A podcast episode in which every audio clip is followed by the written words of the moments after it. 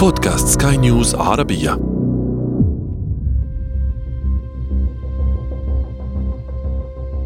هل تذكر كذبتك الأولى؟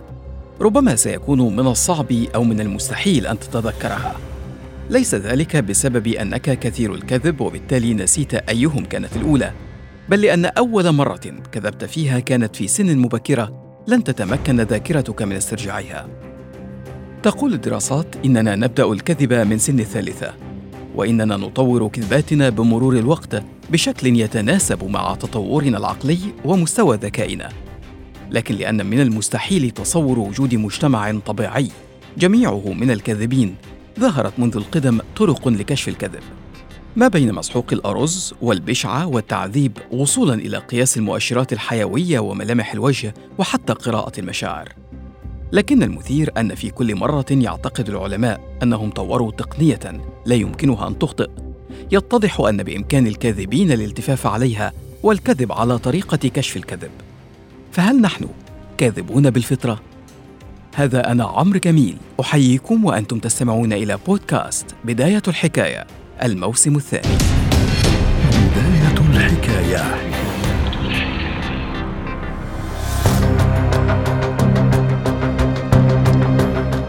في دراسة أمريكية تم نشرها في مجلة القانون والسلوك الإنساني في سنة 2017 اتضح أننا نبدأ الكذب في الثالثة من العمر. تبدأ بكذبات أولية هدفها تغطية خطأ ما ارتكبناه أو الحصول على منفعة بسيطة. لكن في هذا السن تبدو كذباتنا بالطبع ساذجة ومضحكة. وفي سن الرابعة تقريبا تصبح كذباتنا أكثر تعقيدا ومعقولية. ثم تتطور بتطور أدمغتنا. فنبدأ في سن السابعة أو الثامنة في اختلاق كذبات يصنفها العلماء بأنها من المستوى الثالث التي تكون منسجمة مع الواقع وأكثر قابلية للتصديق. في التجربة التي صممها عالم النفس التطوري الأمريكي مايكل لويس أستاذ طب الأطفال والطب النفسي وزع لويس على الأطفال أوراق اللعب وأفسح لهم المجال باختلاس النظر لأوراق منافسيهم من دون أن يدركوا أنهم مراقبون بالكاميرات. سالهم المشرفون بعدها ما إذا كانوا نظروا إلى أوراق منافسيهم. اتضح بقياس معدل ذكاء الأطفال أن من كذبوا كانوا أكثر ذكاء ممن اعترفوا باختلاس النظر. يقول الباحثون إن الكذب يتطلب درجة كبيرة من الذكاء لأن الكذاب يحتاج إلى ذاكرة قوية وإلى خيال واسع. وبالنسبة للأطفال الذين يتمتعون بذاكرة قوية فيمكنهم تبرير الكثير من الأشياء بالكذب. لإخراج أنفسهم من الورطة التي أوقعوا أنفسهم بها. بل إنه كلما زادت الكذبة تعقيدا كان ذلك مؤشرا على زيادة الذكاء. فيقول البروفيسور مورتس دوم أستاذ علم النفس التنموي بجامعة زيورخ إن من الضروري ألا يتذمر الآباء من كذب أطفالهم ولا يجب أن تتم معاقبتهم على ذلك.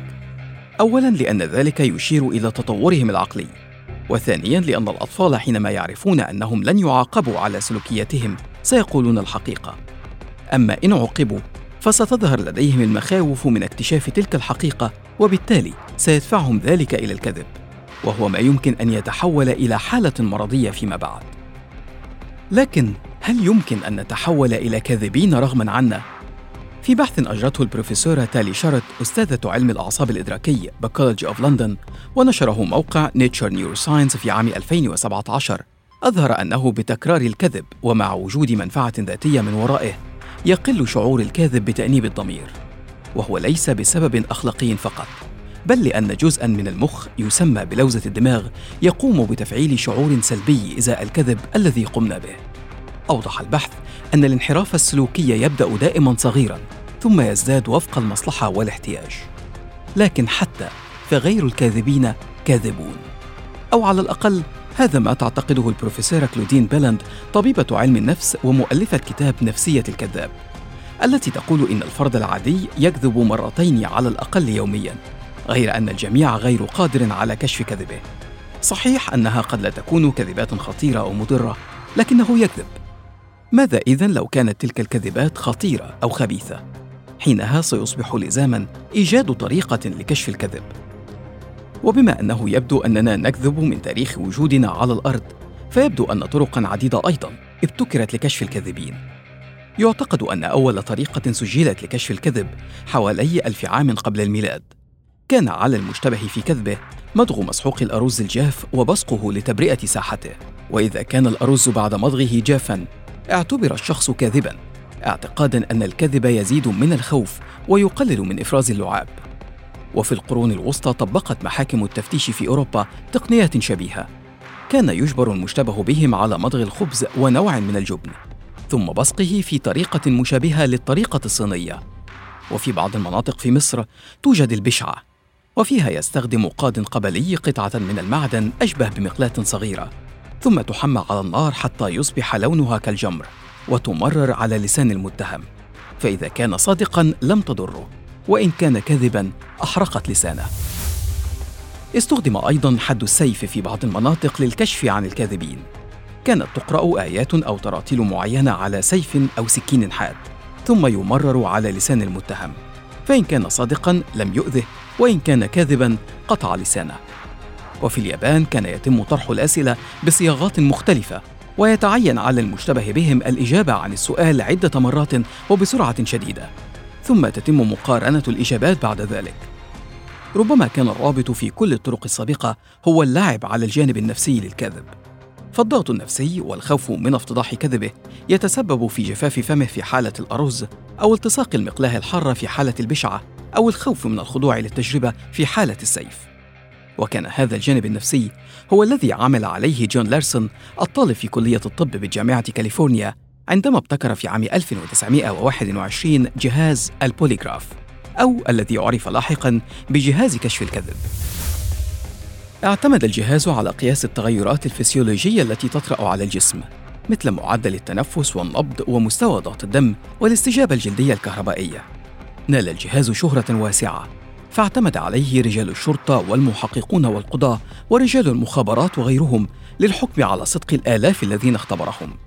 بل إنه أصبح رمزا ثقافيا وبطلا دائما لأفلام الجاسوسية والأفلام البوليسية بصورة مؤشره المتذبذب التي تمثل معيارا لصدق البطل أو خداعه. ظل ذلك منذ عام 1924 وفي عام 2001 اتضحت المفارقة الكبرى. أصدرت الأكاديمية الوطنية للعلوم في الولايات المتحدة تقريرا رسميا يؤكد زيف مصداقية الجهاز الذي يقيس مؤشرات حيوية لا علاقة لها بكذب أو صدق أحد. فقد يستطيع كذب محترف أن يتحكم في انفعالاته كما أن الأبرياء قد يتوترون أيضا عند وضعهم على الجهاز. أوردت الأكاديمية في تقريرها نماذج مثل تبرئة سفاح في السبعينيات اتهم بقتل أربعين سيدة برغم توفر كل الأدلة الجنائية ضده. فقط لأنه نجح في الإفلات من اختبار الجهاز. أثبتت كل الدراسات المحايدة أن جهاز كشف الكذب ليس جهازا موثوقا به لكشف الكذب.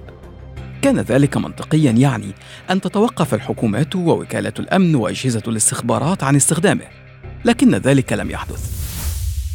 في الواقع يتم إجراء أكثر من 2.5 مليون فحص بالجهاز كل عام في الولايات المتحدة وتبلغ تكلفة اختبارات جهاز كشف الكذب ملياري دولار. تستخدم الوكالة الحكومية الفيدرالية بما في ذلك وزارة العدل ووزارة الدفاع ووكالة المخابرات المركزية بل ووفقا لأرقام عام 2007 الصادرة عن وزارة العدل الأمريكية فإن أكثر من ثلاثة أرباع أقسام الشرطة في المناطق الحضرية استخدموا أيضا أجهزة كشف الكذب لفحص الموظفين. طيب، إذا كان الجهاز غير دقيق، فلماذا يتم استخدامه؟ ببساطة لأنه لا يوجد بديل. أصبحت هناك قناعة الآن أن من سيكشف الكذب عند وضعه على الجهاز هو من يدير الجهاز وليس الجهاز نفسه. وإن الخبرة في قراءة تعابير الوجه وحركات الجسد والتغيرات الأخرى التي يقوم بها مشتبه به هي العامل الأهم في فتح الكذب من عدمه. لكن لأنه لا يمكن الاعتماد فقط على عامل الخبرة، لأن خبرة فتح الكذب قد تتغلب عليها خبرة الكذب، استمر السعي في ابتكار تقنية لتطوير البوليغراف. تحاول الحكومة الأمريكية تطوير تقنية دقيقة عبر الذكاء الاصطناعي تمكنها من قراءة تعابير الوجه وحركات الجسد بشكل يمكنها من كشف الكذب. تسعى الصين لتطوير تقنية الكشف عن المشاعر التي تحدثنا عنها في حلقة سابقة. وأجرت وكالة أبحاث الاتحاد الأوروبي تجارب لاستخدام الذكاء الاصطناعي للكشف عن الكذب لتعزيز أمن حدود الاتحاد الأوروبي. ومع ذلك وفي كل مرة تكون هناك انتقادات بسبب عدم وجود دقة كافية. ربما لا يكون ذلك لمشكلة في الذكاء الاصطناعي بل لأننا نحن من يستطيع في كل مرة التحايل عليه. فشخص يبدأ الكذب في الثالثة من عمره لن يصعب عليه التحايل على تقنية بعد سنوات طويلة من اعتياده الكذب. حينها قد يفلت الكاذب من العقوبة لكن عقوبته قد لا تكون أن الناس لا يصدقونه. بل كما قال جورج برنارد شو ذات مرة إنه هو من لا يستطيع أن يصدق الناس. كل الناس حتى الصادق منهم بداية الحكاية, حكاية.